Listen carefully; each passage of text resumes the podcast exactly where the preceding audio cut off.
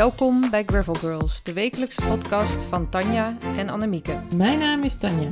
Mijn naam is Annemieke. Daar zijn we weer. En ehm, ik ben uh, vanavond uh, in mijn eentje, maar ik uh, ben niet helemaal alleen, want ik ben met Gijs Bruinsma. Gijs, welkom. Hallo, hallo.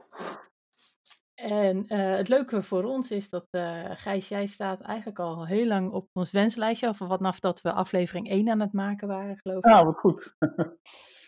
en, um, um, en het kwam eigenlijk een beetje van, ja, hoe kwam ik op jouw pad? Dat moest ik vandaag nog heel eventjes uh, opnieuw uitzoeken.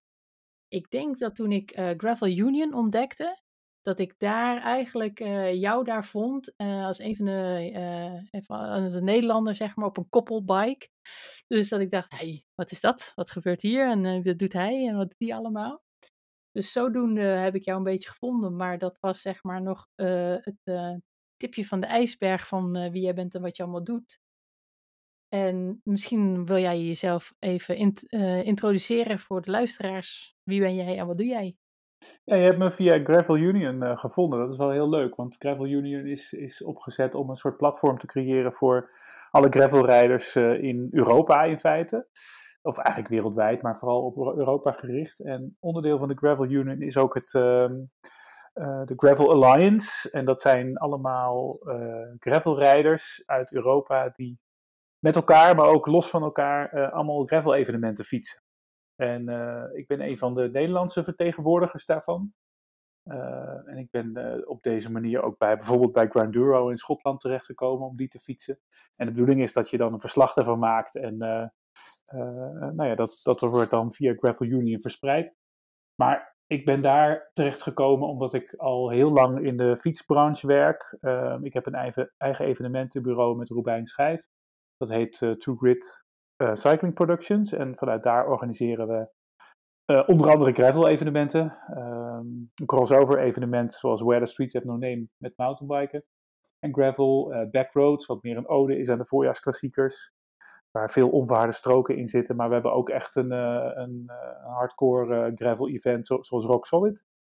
En ik werk ook voor verschillende opdrachtgevers als routemaker en locatiescout. En ik word ingehuurd als event manager voor fietsevenementen. En nou ja, op die manier ben ik op verschillende manieren dus zichtbaar in de fietsbranche. En kom je me nou, overal tegen is een groot woord. Maar ik merk wel dat dat mensen me uh, kennen van, van, van wat er allemaal te doen is. En ik, ben, ik heb een zeer grote liefde voor gravelrijden. Dat doe ik ook zelf het allerliefst. En uh, ja, dat, dat, nou ja, zo vonden wij elkaar denk ik ook. Ja, wat grappig. En uh, ook wel zeer indrukwekkend de routes uh, die je hebt gebouwd uh, voor de evenementen die jij, waar je aan hebt gewerkt. Ja, daar haal ik ook wel echt een eer uit hoor. Dat vind ik echt heel leuk om te doen. Uh, en dat is echt niet alleen maar uh, fietsen, uh, achterin de auto gooien, naar het gebied gaan en heel veel fietsen. Het is juist ook heel veel desk research. online routes zoeken, ehm, verschillende kaartlagen bekijken, maar ook kennis van de beheerders. Waar mag je wel fietsen, waar mag je niet fietsen? Als ik ergens een route wil maken waar allemaal ehm, uh, hoe zeg je dat, restricties zijn, dan moet ik de juiste partij vinden om toestemming te krijgen. En uh, nou, daar haal ik heel veel eer uit, want dat betekent namelijk dat als mensen dan een route gaan rijden van zo'n evenement, ze op plekken komen waar je normaal nooit komt. En ik vind het het allermooiste om mensen ook uh, te verrassen. Dat, zeker op de Utrechtse Heuvelrug, waar ik woon, waar veel locals ook meedoen aan de evenementen, vind ik het heel leuk als ik achteraf hoor, ja, en toen reed ik hier, en toen kwam ik opeens op een punt toen dacht ik, oh, hier ben ik. Nou, dat is echt een van de beste complimenten die je mij kan geven. Dus ik haalde heel veel eer uit uh, om mooie routes te maken. Ik kan me dat goed voorstellen. Maar dan raak je wel meteen uh, een van de punten waar we het uh, over wilden hebben met jou. Want ja, wij kwamen er al heel snel achter dat jij echt wel weet je, waar je mee bezig bent, zeg maar. Wat je al zegt, jij, jij houdt ervan om te verdiepen in waar mag je rijden en waar mag je niet rijden en hoe kun je toestemming verkrijgen. Maar we zien natuurlijk in uh, de verschillende online groepen dat uh, mensen uh, graag routes van elkaar narijden. En daar zijn tools als Komoot zijn daar ook uitermate geschikt voor. Maar ja, het kan natuurlijk ook voorkomen dat we als schapen elkaar gaan narijden op paden waar we eigenlijk het beste maar niet moeten komen.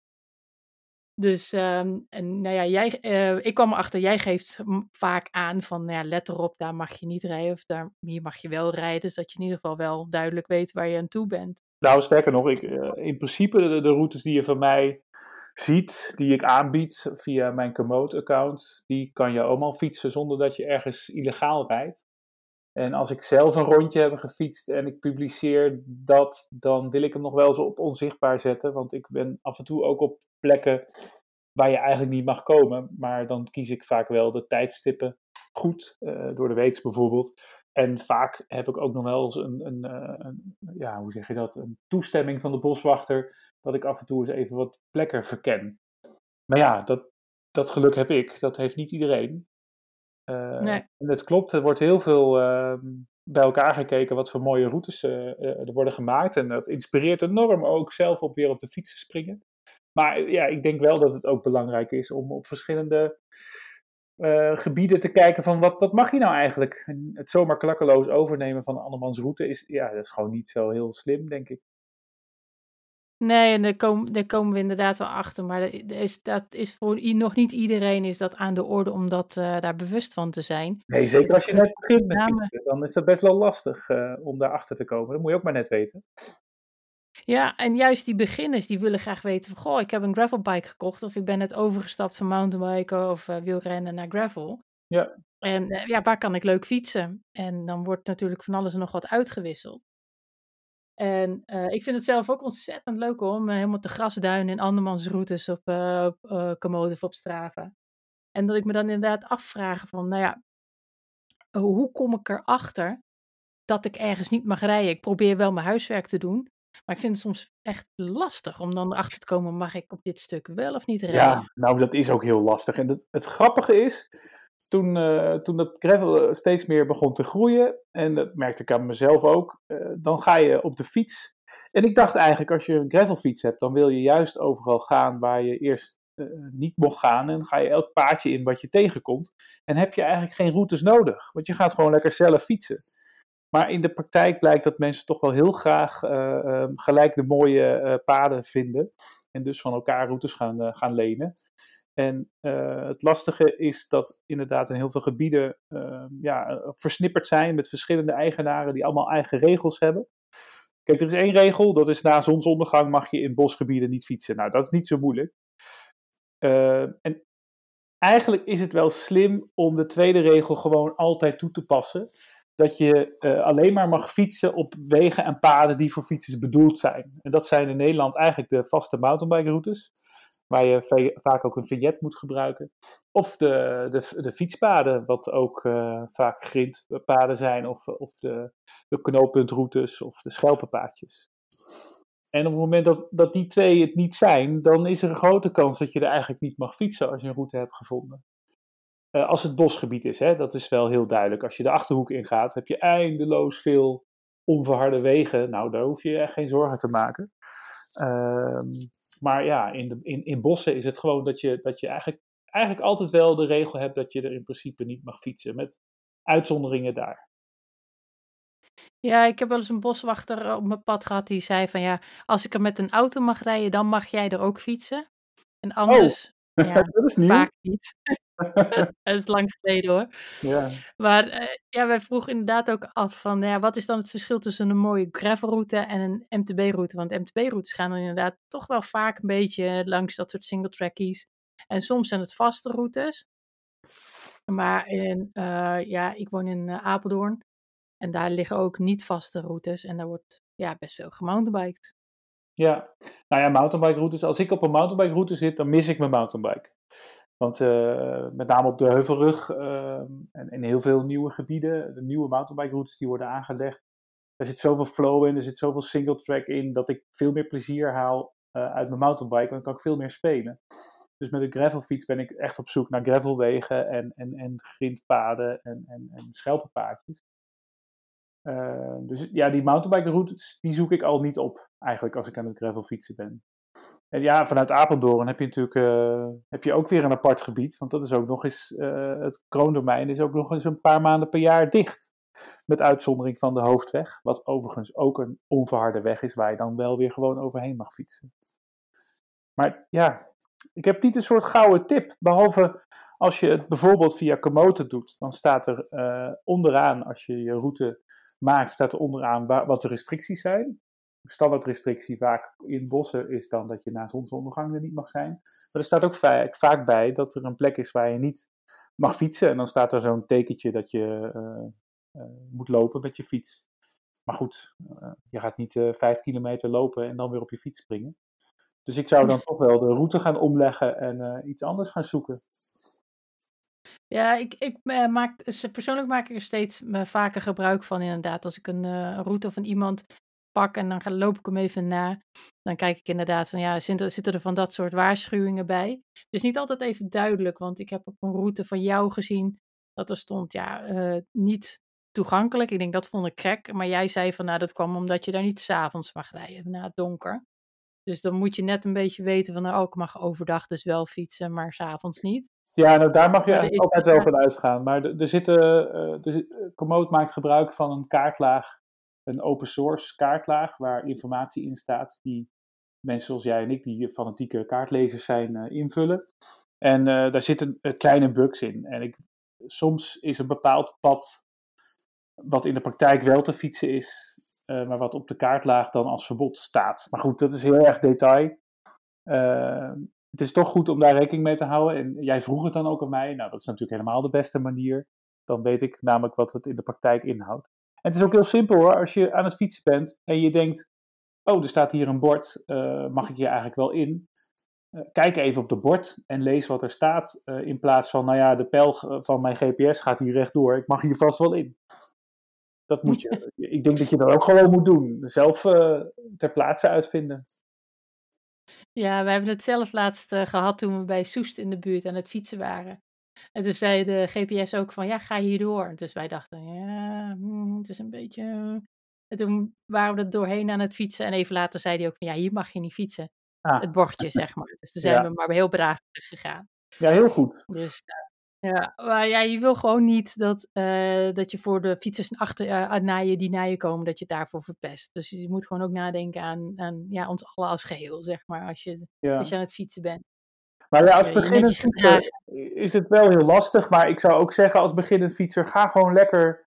Weet je, als je in Utrecht woont uh, of in Apeldoorn, uh, stap op je fiets en volg lekker de, de fietspaden die er zijn. Maak je niet zo druk of, de route, of je een route moet volgen of niet. Ga vooral lekker zelf fietsen. En dan kom je vanzelf tegen wat je leuk vindt om te doen. Ehm, vind je de combinatie van asfalt met brede grindwegen leuk? Vind je het juist leuk om alleen maar hele smalle fietspaden te pakken? Als je daar dan vanzelf achter komt, dan uh, ken je je eigen gebied ook steeds meer. En dan uh, maak je de stap naar uh, een keer een route erbij zoeken. En dan goed kijken wat er, of de routes mogen of niet. Zie je het, zie je het verschijnen dat straks naast um, mountainbike routes ook gravel routes gaan ontstaan? Ja, vijf jaar geleden was er een keer een 1 april grap van een van de MTB-clubs. die zei uh, op 1 april, nou er, komen, er worden gravelroutes uh, gebouwd. En ik moest, ik dacht, serieus, hey, dat is best wel een goed idee. En toen later realiseerde ik me dat het een, een 1 april grap was. Maar dat is wel iets wat aan de orde is. En dat gaat niet gebeuren, dat, want dat wil geen enkele gravelrijder, denk ik, uh, dat er vaste paden worden aangelegd, zoals bij het mountainbiken. Uh, want mountainbikers zijn toch op zoek naar wat meer technisch uh, lastige paden, waar veel uitdaging in zit, waardoor het leuk is, leuker is om op die paden te zitten, die mountainbikepaden, dan gewoon maar bospaadjes. Dus daar is dat heel logisch. Bij gravel zie ik wel gebeuren in de toekomst dat je, zoals je een NS-wandeltocht hebt, ga je ook denk ik gravel-routes hebben die uitgepeld zijn bijvoorbeeld. En niet dat je daaraan hoeft te houden, maar dan weet je gewoon, nou ja, in dit gebied um, zijn dit specifiek gravel uh, uh, tochten. Ik denk dat het daar wel naartoe zou kunnen gaan. En ik zou dat ook wel mooi vinden. Ik zou het ook wel mooi vinden als op de Utrechtse Heuvelrug, uh, maar dat komt ook omdat ik hier woon, ietsje meer fietswegen komen. Want ik vind eigenlijk dat het best wel beperkt is wat je, waar je mag fietsen. Dan heb ik het niet alleen maar over gravelrijders, maar ook gewoon recreanten die op de e-bike zitten. Die hebben eigenlijk best wel weinig mogelijkheden op de heuvelrug als je van de asfaltwegen af wil gaan. Dat mag wel meer, vind ik. Ja, en dan zit je elkaar ook minder in de weg als je dat uh, ook nog moet delen, zeg maar. Ja, ook dat. Ja, de Letterstichterpad, dat is het mooiste fietspad op de Utrechtse Heuvelrug. Uh, daar wordt gewoon heel veel gebruik van gemaakt in het weekend. En dat zijn uh, ook best wel eens lastige bochten. Of een rare sprong zit erin. Ik denk wel eens dat dat pad is aangelegd door een wandelaar. Zo, uh, zo apart ligt het er af en toe bij. Maar als je dan dus en een sneller fietser bent, zoals een gravelrijder dat is. En ook kinderen die daar fietsen met een gezin. Dat, dat kan elkaar in de weg zitten. Aan de andere kant, over het algemeen wordt er best wel netjes gereden hoor, vind ik. Heel veel mensen zeggen gewoon gedag of bellen even en uh, gaat dat behoorlijk goed. Maar ik denk wel, Ja, ik, ik het mag groter, het mag meer. Ja, ja, het is een mooi, eh, mooi gebied uiteraard. Ja, net als eh, ja, m- mijn omgeving met de Veluwe ook. eh, Nou, de Veluwe is nog mooier. Ik bedoel, daar, daar kan, ik heb een keer 100 kilometer gefietst op de Veluwe. Had ik een prachtige route gemaakt door allerlei gebieden. En ik ben één, het was door de week, eh, ik ben één iemand tegengekomen, ook op de gravelfietsen, die riep, hey, Gijs! Dat vond ik dan wel heel erg grappig. En we reden net elkaar de andere kant op. Voor de rest helemaal geen andere fietsers. Een door de weekse, toch wel een mooie dag was het. En ook eh, wild gezien. Dus dacht ik, ja, dit, dat, daar kom je bij op de Utrechtse Heuvelrug. is dan toch wel een, een B-keuze in dat opzicht. Want uh, Veluwe is voor mij toch wel echt het gebied waar ik het liefste kom met, met de gravelbike. Ja, ja. Ik uh, kan het alleen maar beamen. Het is, uh, het is zo. En dat je inderdaad heel lang kan uh, gravel rijden of in ieder geval lang kan fietsen zonder iemand tegen te komen, betekent ook wel wat voor je bevoorrading. Dat hebben wij zelf ook wel eens meegemaakt. Ja. Gewoon, ja, op een gegeven moment denk ik dan, oh ja, ik moet, ik moet toch wel een keer mijn bidonnetje bijvullen. We zijn nog helemaal geen tankstation niks tegengekomen. Nee, ik zou niet bezuinigen op, uh, op wat je meeneemt onderweg. Niks mooiers dan gewoon op jezelf te kunnen vertrouwen, vind ik zelf. Maar het, het, leuke aan, uh, aan, aan, bijvoorbeeld een route maken met Komoot is dat je ook uh, niet alleen highlights kan aanvinken waar je langs wil gaan. En highlights zijn hoogtepunten die fietsers hebben aangemaakt binnen Komoot. Zodat je weet dat daar iets moois te zien is. Of het is een mooi segment bijvoorbeeld van een lange gravelweg. Maar ook populaire wielercafés zoals de Proloog zijn daarin opgenomen. Of buiten in de kuil en Lage Vuursche. En er zijn er vast ook een paar op de, op de Veluwe. Maar je kan ook uh, zoeken bijvoorbeeld op, op supermarkt of op cafés. Of, of zelfs op benzinestations en parkeerplaatsen. Dus daar kan je gewoon je route helemaal op aanpassen. En zelfs tijdens het rijden kan je je app openen. En moet je wel ontvangst hebben natuurlijk. En dan je, route, je route aanpassen. Ja, ik vind dat er staan nog geen waterpalen in Komoot, hè? Nou, daar twijfel ik over. Uh, volgens mij wel. Ah, kan, dat zou wel mooi Je kan het aanvinken, ja. Ja, zeker uh, nu met corona veel dicht is natuurlijk. Aan de andere kant, heel veel uh, cafés hebben gewoon ook een to-go nu. Dus je kan overal wel terecht. Maar hoe lang kan je in ja. Nederland fietsen zonder... Ik bedoel, twee bidons, daar red je het wel twee uur lang mee. Nou, dan kom je wel wat tegen, toch? Ja, ik had best hoofdpijn. Uh, ja? tijdens de gips van 100 kilometer. Dus uh, er was net gewoon één bidon stop te weinig. Maar het kwam ook zelf dat ik niet goed had nagedacht over van, nou ja, even, uh, nu doe ik het wel als ik weet van ik ga lang fietsen. Wat, waar ga ik fietsen? Kom ik op, uh, weet ik veel, 40, 60, kom ik dan nog iets tegen om bij te vullen? Probeer ja. er gewoon slim in. Ja, of, of is het zo dat je nog een halve bidon hebt en, en je rijdt ergens langs. Je denkt, nou, nu is het niet nodig. En dan vervolgens kom je anderhalf uur niks tegen. Dat is natuurlijk ook wel, uh, gebeurt ook wel eens. Dat leer je dan, hè? Ja. Maar je had het over uh, je, die highlights net. Ja. En uh, je hebt natuurlijk zelf heel veel aangemaakt. En je had al over nou, Veluwe en het Stichterpad. Wat is jouw um, absoluut meest favoriete gravelpad in Nederland, hoogtepunt? Ja, ik heb wel eens bedacht om daar een soort top 10 van te maken. En het heeft heel erg met het gebied te maken, maar ook met de stemming waar ik zelf ben. Ik, ik ben bijvoorbeeld, ik heb wel een voorliefde voor de voorjaarsklassiekers, zo'n Parijs-Roubaix, wat door een foei lelijk gebied gaat, maar wat zoveel historie heeft. En zeker als het een hele grijze dag is, vind ik het prachtig om daar te fietsen en dan zo'n kasseienstrook mee te pakken. Maar op zo'n moment vind ik de kasseienstrook het mooiste wat er is. Uh, maar um, ja, het heeft dus heel erg met het gebied te maken en, en, en waar ik op dat moment mee bezig ben. Maar laat ik op de Utrechtse Heuvelrussen is denk ik gewoon het Letterstichterpad wel echt het mooiste wat je kan vinden. Die moet je wel delen met heel veel andere recreanten, dus je, timing is ook heel belangrijk. Uh, ik vind het kroondomein op de Veluwe heel erg mooi. Maar het mooie aan de Veluwe is, is dat er ook heel veel, ja, ze noemen dat een beetje bosexploitatiewegen. Dat zijn een beetje die double tracks die door het bos lopen, waar vooral uh, boswachters met een auto overheen mogen. En in veel gebieden op de Veluwe mag je nog gewoon fietsen uh, waar je wilt. Dat gaat wel veranderen in de toekomst. Maar ja, er zijn eindeloos. De, de Loenermark bijvoorbeeld, ten noorden van de Veluwezomer, is ook zo'n gebied wat echt prachtig is. En, en allemaal grindwegen heeft. Daar word ik wel, daar word ik echt het meeste blij van. En veel mensen hebben het ook over Zuid-Limburg. Maar misschien omdat ik daar ietsje te vaak gereisfiets heb, ken ik dat gebied te goed. En, en vind ik het heel tof dat ik dat nu kan zien uh, over gravelwegen. Maar het geeft me wel een beetje hetzelfde gevoel. Van dorpje naar dorpje, van heuvel naar heuvel. Weinig echte dichte bossen. Dus ik, ik, mijn favoriet is dan toch de Veluwe. Ja. Vanwege de, uh, ook in het gevoel van bossen, zeg maar. Ja, en het, en het gevoel dat je eindeloos onderweg bent uh, zonder iemand tegen te komen. En het gevoel dat je in het buitenland bent, toch wel. Ja. En heb je in Nederland, heb je, uh, als je de, de Netherlands, wat was het nou, de Grid Challenge in Nederland? Heb je ze allemaal, heb je overal in Nederland gegravel uh, biked? Heb je ze allemaal gehad? Of Nee zijn er nog gebieden in Nederland waar je denkt, ah, daar moet ik echt nog een keer heen? Ja, want het grappige is met gravelrijden. Kom je buiten de Randstad, dan is er echt heel veel mogelijk. Um, in de Achterhoek, wat ik net zei, daar uh, heb je heel veel brede zandwegen in feite. Gewoon boerenlandwegen waar ja, geen asfalt ligt, maar het is gewoon een openbare weg en daar wordt nog steeds gebruik van gemaakt.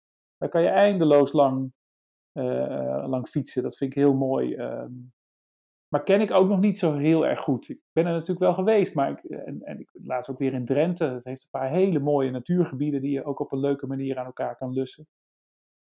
Um, ja, ik ben zelf wat minder fan van Brabant, ondanks dat je daar toch ook veel onverhard kan rijden. Maar ik vind het daar wat. Uh, er zijn wel heel veel postzegeltjes van verschillende eigenaren van terreinen en, en mooi afgewisseld met lelijk. Maar dat is ook, ja, dat weet je, dat is voor iedereen anders.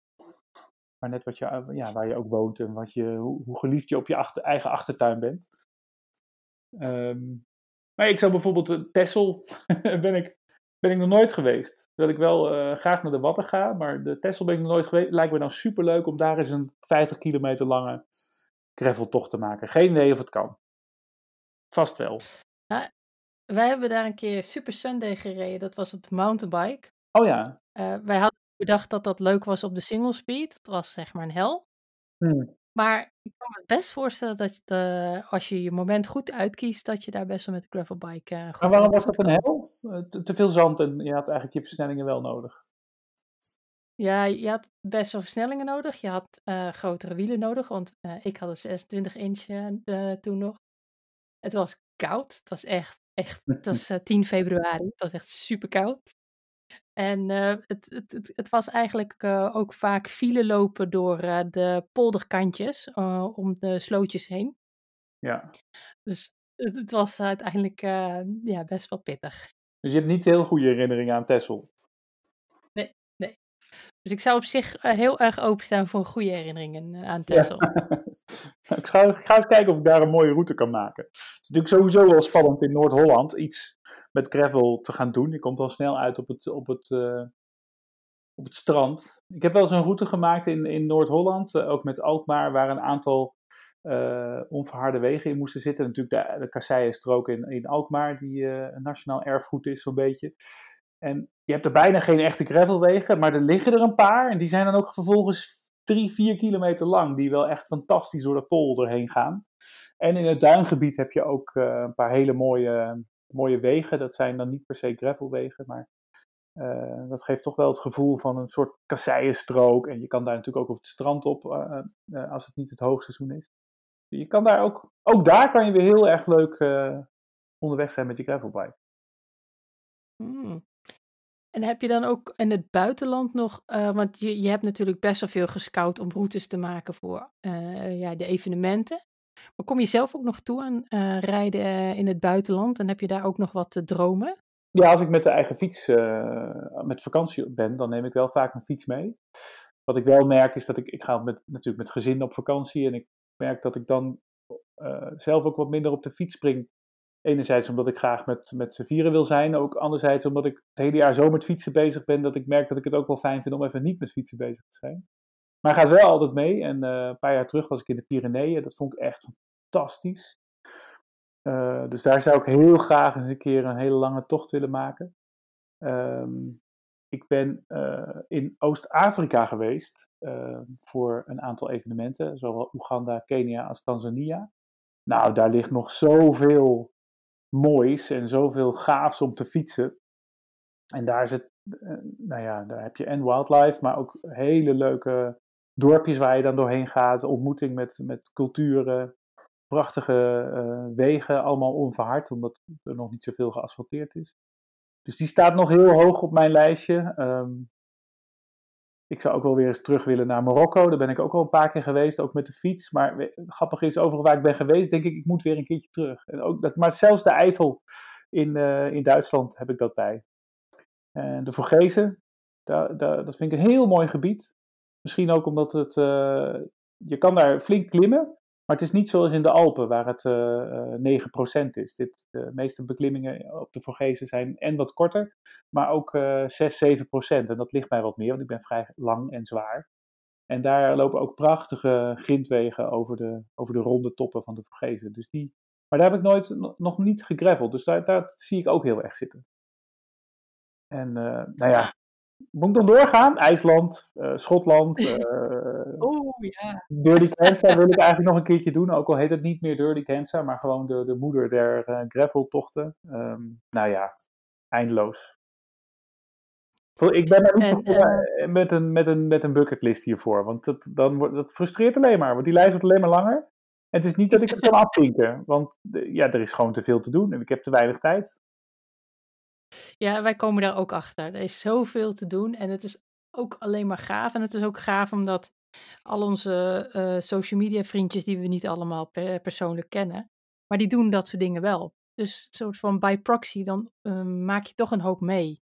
Ja. Dus uh, je, ziet gewoon dan, omdat mensen ook zoveel vastleggen, krijg je er heel veel van mee. Dus dat, is, dat vind ik ook wel weer leuk.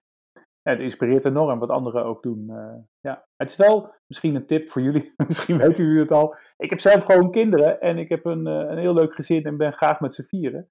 Dan heb je gewoon een heel andere uh, manier van leven en een andere inrichting van je dagelijks leven. En ik ben al veel weg voor mijn werk. En als ik dan ook nog eens roep, nou, ik ben drie weken daar fietsen, ja, dat is gewoon anders. En de mensen die ik online volg, ja, die hebben gewoon een andere inrichting van hun leven. En nou, het is wel goed om dat te beseffen.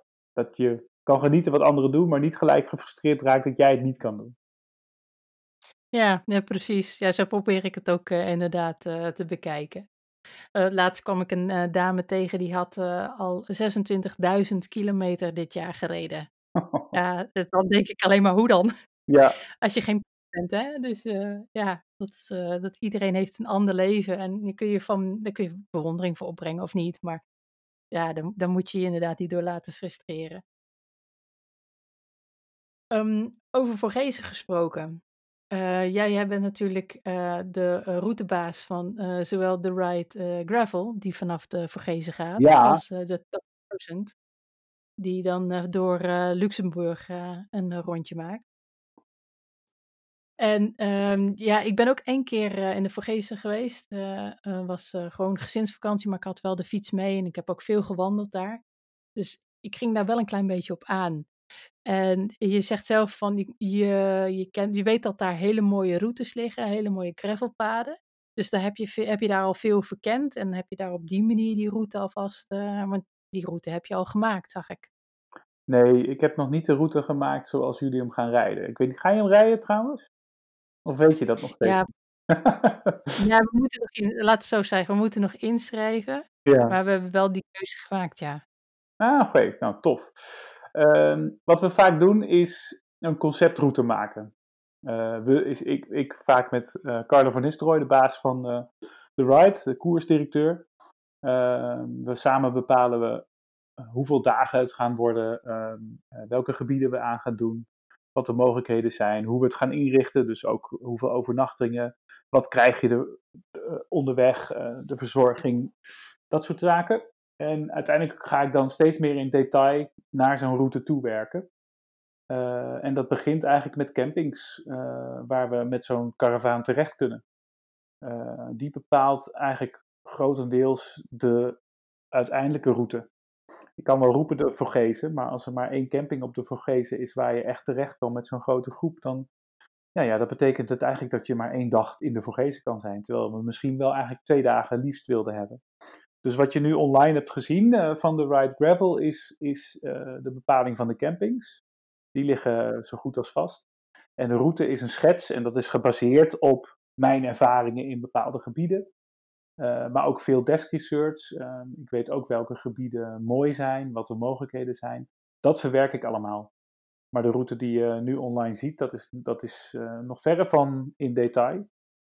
Want dat moet ik nog uitwerken. Oh, En ja. verkennen. Oh.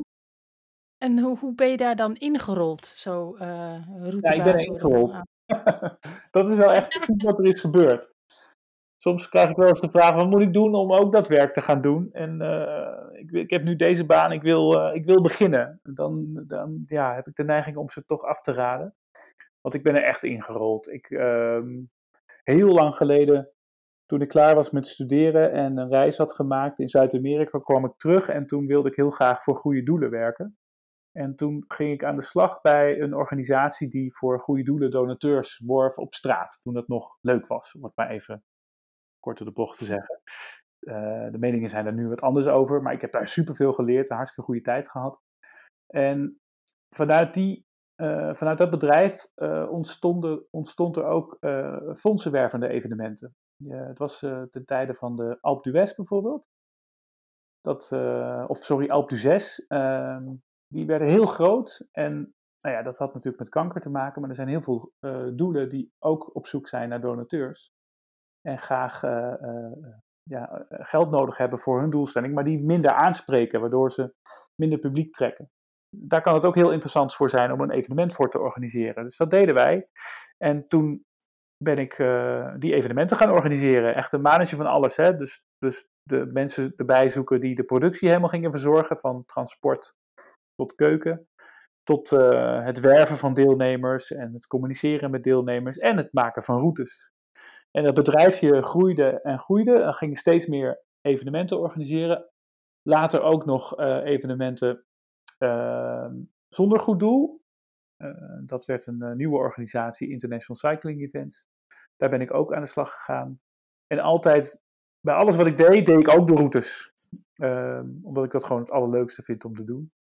En langzaamaan, elk jaar kreeg ik meer opdrachten binnen. En ook van externe en uh, vijf, zes jaar geleden besloten om voor mezelf te beginnen. Met de hulp van de uh, twee opdrachtgevers waar ik al voor werkte. Uh, ben ik, heb ik meer opdrachten kunnen binnenhalen om routes te maken voor verschillende toertochten, voor andere bedrijven en ook onder mijn eigen label van True Grit. We nu een viertal evenementen waar ik natuurlijk ook routes voor moet maken en de hele organisatie eromheen. Dus ik rolde echt in. En omdat het een passie is en uh, ja, er veel kennis voor heb. En uh, buiten het routes maken bouw je in die 15 jaar inmiddels ook gewoon heel veel kennis op van vergunningen. En bij wie moet je zijn om toestemming te krijgen. En, uh, en dat verschilt ook weer per land. En nou ja. dus daar zit de expertise ook in. Ja. Ja, natuurlijk. En ik kan me ook best wel voorstellen dat je op een gegeven moment een soort um, ja, gevoel ervoor krijgt van uh, wanneer een route ja, de voldoende uitdaging heeft en wanneer het too much is. Want dat is natuurlijk Ja. ook wel een beetje met lekker zelf uh, knutselen in komoot. Ik heb, ik heb het zelf gedaan. Ik ben uh, ergens dit jaar in Sauerland heb ik een route gemaakt.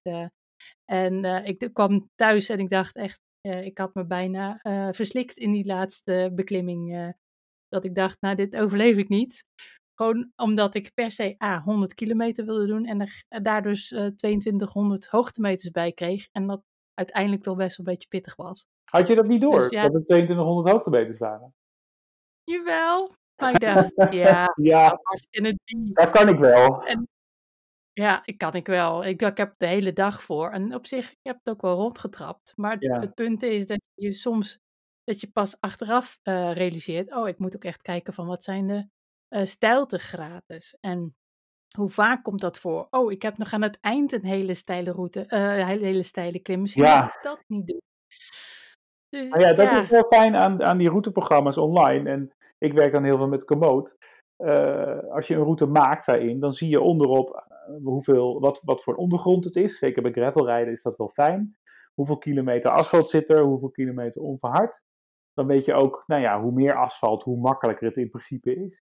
Maar je ziet ook een hoogteprofiel. Je ziet precies op de route eh, waar de beklimmingen zitten. Eh, je ziet het aantal hoogtemeters van tevoren eh, bepaald op de kaart. Dat wijkt ook vaak af van hoe je het uiteindelijk opneemt met je eigen GPS, maar dat is weer een heel ander verhaal. En de afstand weet je. En ehm, ja, dat, die informatie is super fijn. Maar dat, dat was natuurlijk 15 jaar geleden was dat er niet. En ehm, was het heel belangrijk ook eh, als routemaker om, om heel goed verslag te kunnen doen hoe zo'n route in elkaar zit. En nu kunnen steeds meer mensen maken zelf routes. En dat is super tof, want dat is ook hartstikke leuk om te doen. Eh, het is ook niet dat ik nu bang ben dat mijn werk eh, opeens minder gaat worden. Want het is echt een ander verhaal of je voor, voor 300 mensen een route maakt of dan, dan voor één persoon.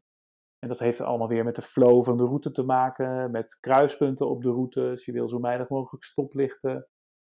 Ik weet ook wel, eh, tijdens een van de tochten eh, werken we met uh, motards samen. Die begeleiden de, de wielrenners dan onderweg. En eh, elke keer als we dan dicht bij een stadje kwamen, ja, ik, leg, ik, ik maak zo'n route niet door een stadje heen, want dat is echt voor geen wielrenner leuk. Ik wil een beetje vaart erin houden. En op het moment dat we bij zo'n stadje komen en zo'n motaar denkt, nou, we gaan weer even de bewoonde wereld in, kwamen ze weer een grijs bochtje tegen, noemden ze dat inmiddels, waarbij je om de stad heen gaat. En dat is echt ervaring en ook heel veel luisteren naar wat mensen van de routes vonden. Uh, ja, er zijn een tal van evenementen waarbij we elk jaar de route weer hebben verfijnd. Uh, van Tour for Life, wat het eerste jaar een etappe van 220 kilometer erin had. Uh, wat, wat heel veel mensen afschrikte. Um, tot aan de ride, waarbij we na drie jaar dachten, nou, misschien moeten we nu toch wel even een andere route leggen. En er zijn niet zoveel mogelijkheden in zo'n gebied. Waardoor het opeens toch net, net een tikkeltje te zwaar werd aan het begin van zo'n week. En uh, ja, dat is gewoon ervaring met, en veel luisteren naar wat deelnemers ervan vinden. Ja, ja het, het, het, klinkt wel heel tof, maar ik kan me best voorstellen dat het echt uh, inderdaad uh, gewoon heel veel finesse vraagt om daar uh, zo professioneel mee bezig te zijn. En dat het heel anders is als je het voor jezelf doet. Ja, zeker. En, en het is ook een beetje kill your darlings. Uh, als, ik een route, als ik een route maak van Italië naar Nederland, kom je langs zoveel moois, maar je kan niet elke dag 250 kilometer gaan fietsen. Dat is gewoon te veel. Nou ja, en, maar als je in één gebied bent, kan je veel meer uh, aan elkaar uh, lussen en kan je wel al die hoogtepunten meenemen. En als je bijvoorbeeld in de Dolomieten gaat fietsen, dat, dan zou ik wel goed nadenken als je voor jezelf routes maakt. Kies een aantal hoogtepunten en verdeel die over een aantal dagen. Want als je die allemaal in één dag probeert te stoppen, dan, dan wordt het een hele zware etappe. En dan is het wel ook belangrijk om even naar het hoogteprofiel te kijken. Ja, dat is wel een goeie wat je zegt, uh, kill your darlings. Want ik heb het zelf ook de neiging, als ik een route voor mezelf hier in de buurt maak, denk ik, oh, dan moet ik ook even langs de Lunemark. Ja, ik Ja. wil ook wel eventjes uh, door uh, Deel de Woud. En ik wil eigenlijk ook wel even de Plankenwambuis. En dan, oh ja, dan ben ik alweer op 100 kilometer op mijn Ja. weg, weet je wel. Maar Dus is het ook niet zo, als je, als je dat van tevoren bepaald hebt en je bent onderweg, dat merk ik bij mezelf, dan heb ik een route in mijn hoofd. Op de Utrechtse Heuvelrug doe ik dat niet vaak meer met, met Komoot, maar gewoon, dan ga ik gewoon fietsen. Maar dat heb ik wel in mijn hoofd, oké, zo ga ik zo, zo, zo. Nou, en dan bij kilometer 10 ben ik alweer heel ergens anders dan ik eigenlijk van plan was. Heb je dat ook niet in jouw gebied waar je dan fietst? Ik ga daar naartoe en dan onderweg heb je alweer een andere afslag genomen. Ja, dat was in het begin wel, toen ik eh, nog heel veel aan het verkennen was en aan het leren was hoe, eh, ja, weet je, ik heb eh, heel, heel lang gemountainbiked. En dan wil je niet doodgevonden worden op een gravelpad. En nu ineens is, is gravel wel leuk. Dus ik ben al die gravelpaden nu aan het verslinden, aan het kijken van welke zijn er leuk. En de ene is nog leuker dan de andere.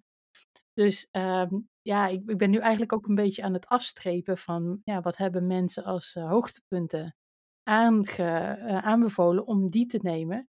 omdat ik ook door mijn voorkennis met mountainbiken en wielrennen, dan kom ik niet op de leukste paadjes terecht. Dan, uh, het net alsof je te, te diepe groeven hebt om in hetzelfde te blijven rijden wat Ja, je ja. gewend bent. Ja, Dus dan is, is voor mij zoiets als komoot en een beetje voorverkennen, is juist ideaal om hem eh, juist uit die comfortzone te komen en eventjes verder te gaan kijken en te en gaan nieuwe zoeken paden ergens. te leren kennen. Ja. Ja. Nou, ik zit En aan te eh, wachten nou, ik tot jij heel veel highlights gaat aanmaken op Komoot. Want kennelijk heb je heel veel Ja, kennis. ik- Ja, maar ik, ik eh, best wel veel eh, paarden zijn al highlights eh, eigenlijk. Dus eh, ik maak nog niet zo vaak eh, highlights aan. Maar ik zou het misschien wel vaker kunnen doen, want ik kom wel steeds vaker paarden tegen, tegen dat ik denk van, oh, dit is echt, gewoon echt een eh, beauty. Ja, dat moet Maar iedereen weten. Maar wat je ook kan doen is allemaal is tips geven. Hè? Als je je route opslaat met Komoot, dan vraagt hij ook van welke highlights vond je leuk en heb je nog tips. En dat is super belangrijk, want dan eh, weten mensen steeds beter wat ze kunnen verwachten als ze een highlight aanvinken om daar langs te gaan. Ja. En ehm, nou, ik zie dat we nu al op eh 40 minuten zitten. Oh, sorry. Dus ik denk dat, eh, nee hoor, dat was eh, uitermate leuk gesprek. Maar zo gaat het altijd de laatste tijd hoor. Ja, Eh, onze afleveringen begonnen heel kort, maar nu beginnen, beginnen we steeds wat langer te worden. En eh, nou, we gaan nu richting de feestdagen. En ehm, ja, voor sommige mensen wordt natuurlijk eh, nu de Festive 500 van eh, Rafa wordt, eh, eh, een leuke uitdaging. En eh, nou ja, dan kun je het ook voor jezelf gaan, gaan plannen met bijvoorbeeld Komoot. Heb je nog, eh, nog tips eh, om met feestdagen ergens eh, te rijden? Of heb jij zelf mooie routes waar je zegt, oh, probeer die erin te gooien? Ja, een fietsmaat van mij die sinds, sinds de Festief 500 is begonnen, nou wanneer was dat? Tien jaar geleden of zo? Vijf jaar, ik weet eigenlijk niet meer. Roept hij elk jaar zo in november, Gijs, we gaan tussen oud en nieuw en, eh, of wat is het, tussen kerst en oud en nieuw gaan we de Festief 500 doen, elke dag 100 en dan hebben we het hartstikke leuk. En ik zei, nee ik heb echt geen zin om tussen kerst en oud en nieuw te fietsen. Ik wil dan gewoon met mijn familie zijn, ik wil lekker binnen zijn en helemaal niet met fietsen bezig zijn. Dat hoeft helemaal niet. Dus elk jaar doe ik wel één ritje mee en dan heb ik 30 kilometer en dan zeg ik zo, ik heb ook weer mijn festief gehad. Maar dit jaar kwam hij met het idee, oké, ik weet hoe je in elkaar zit, dat zie je niet zitten, maar zullen we niet één dag 200 kilometer fietsen? Gewoon één keer om eh, een keer die 200 kaap te doen. En ik heb wel eens langer eh, dat soort afstanden gedaan, maar dat is allemaal racefiets. Ik dacht, ja, met de gravelbike heb ik dat nog nooit gedaan. En in de winter lijkt me dat eigenlijk best wel gaaf om te doen. Dus dat gaan we nu doen op 28 december. Ook eh, toevallig de dag dat eigenlijk ook de eh, Drenthe 200 zou plaatsvinden, die nu geannuleerd is. En ik, je ziet wat initiatieven ontstaan om toch die dag ook eh 200 kilometer te gaan fietsen. Nou, daar sluiten we dan leuk bij aan. Dat was niet per se de bedoeling, maar dat is wel eh, zo ontstaan. En ik heb nu een route gemaakt over de Utrechtse Heuvelrug. Als het net eh, licht begint te worden, dan eh, pakken we de Veluwe erbij, waaronder Loenermark en, eh, en eh, Radio Kootwijk. En dan door de Gelderse Vallei, als het eh, weer wat begint te schemeren, terug naar, eh, naar Zeist. Dus dat is mijn plan. Alleen, ik, ben helemaal niet, ik heb helemaal niet zoveel gefietst de laatste tijd. Dus ik, ik zie er wel behoorlijk tegenop. Eh aan de andere kant, het is gewoon een hartstikke leuk avontuur. En één dag in de kerstvakantie dat doen, is, is, lijkt mij hartstikke leuk om te doen. En volgens mij zijn er heel veel van dat soort initiatieven. En eh, kan je dat ook online eh, terugvinden en laten inspireren. Aan de andere kant, weet je, het is eigenlijk gewoon een heel slechte maand om te gaan fietsen, toch? Ja, het is koud, het is nat, eh, het is nooit echt winter in Nederland. Ehm, ja, Zo- ik ga morgenochtend ook weer fietsen, maar ik, zie er nu eigenlijk alweer een beetje tegenop, omdat het zo zompig is in het bos en koud. En, ach, een beetje binnen zit Ja. Je moet niet te streng zijn voor jezelf. Dat is mijn tip. maar dan heb ik het echt letterlijk tegen mezelf, zeg ik dat nu. Nou, ik, eh, ik ga zien ehm, nou ja, welk rondje jullie uiteindelijk hebben voltooid. Ik ben benieuwd, want eh, meestal doe je er ook wel foto's bij, toch? Ja, ja, dat vind ik wel leuk om te doen. Ja, niet heel, ik ben moe, ik ben geen, eh, ik ben geen eh, Erwin Sikkens die alleen maar super mooie foto's maakt onderweg. Nee, dat zeker niet. Maar ik zat wel te denken, ehm, het kroondomein, de hoofdweg is wel open. Hè? Eh, daar, die wil ik wel opnemen in de route. Want dat soort wegen ben ik wel naar op zoek. Brede, brede grindwegen. Mocht je nog een tip hebben, dan hoor ik dat graag. Nou, sowieso, na de kerst is het helemaal weer open. Oh, nou, dan ga ik misschien wel wat Dus meer nog doen. Weer wel. Ja. Leuk. En ga jij wat doen eh, nog in die periode? Ja, het was eigenlijk de bedoeling dat uh, Annemiek naar Apeldoorn zou fietsen en ik met haar mee naar Rotterdam uh, ga fietsen. Maar we moeten eventjes kijken of dat qua blessureleed allemaal goed ah. gaat komen. Dus dat is even spannend. Maar ik, we zien wel. En ehm, ja, zo, zo'n dagje, één dag een uitspatting van een wat langere rit, dat lijkt me wel haalbaar en leuk ook inderdaad. Dus ja, waarschijnlijk zal het dat gaan worden. Leuk, goede winter dan. Ja. Nou, Gijs, um, super bedankt voor dit interview. Ik weet niet of jij nog um, uh, nabranders hebt, dat je dacht van, oh ja, dat wil ik nog even Nee, want dan zijn we weer tien minuten verder. Dat kan beter van niet. nou, hartstikke goed. Dan, uh, uh, ik, ik ga vast het een en ander van je meekrijgen op uh, Komoot. En nou, ik ben benieuwd als wij inderdaad straks terechtkomen in de Vorgezen op jouw route, hoe het dan is. Ja, dat wordt echt en, Ja, dan zeg ik voor nu dankjewel en tot ziens. Tot de volgende keer.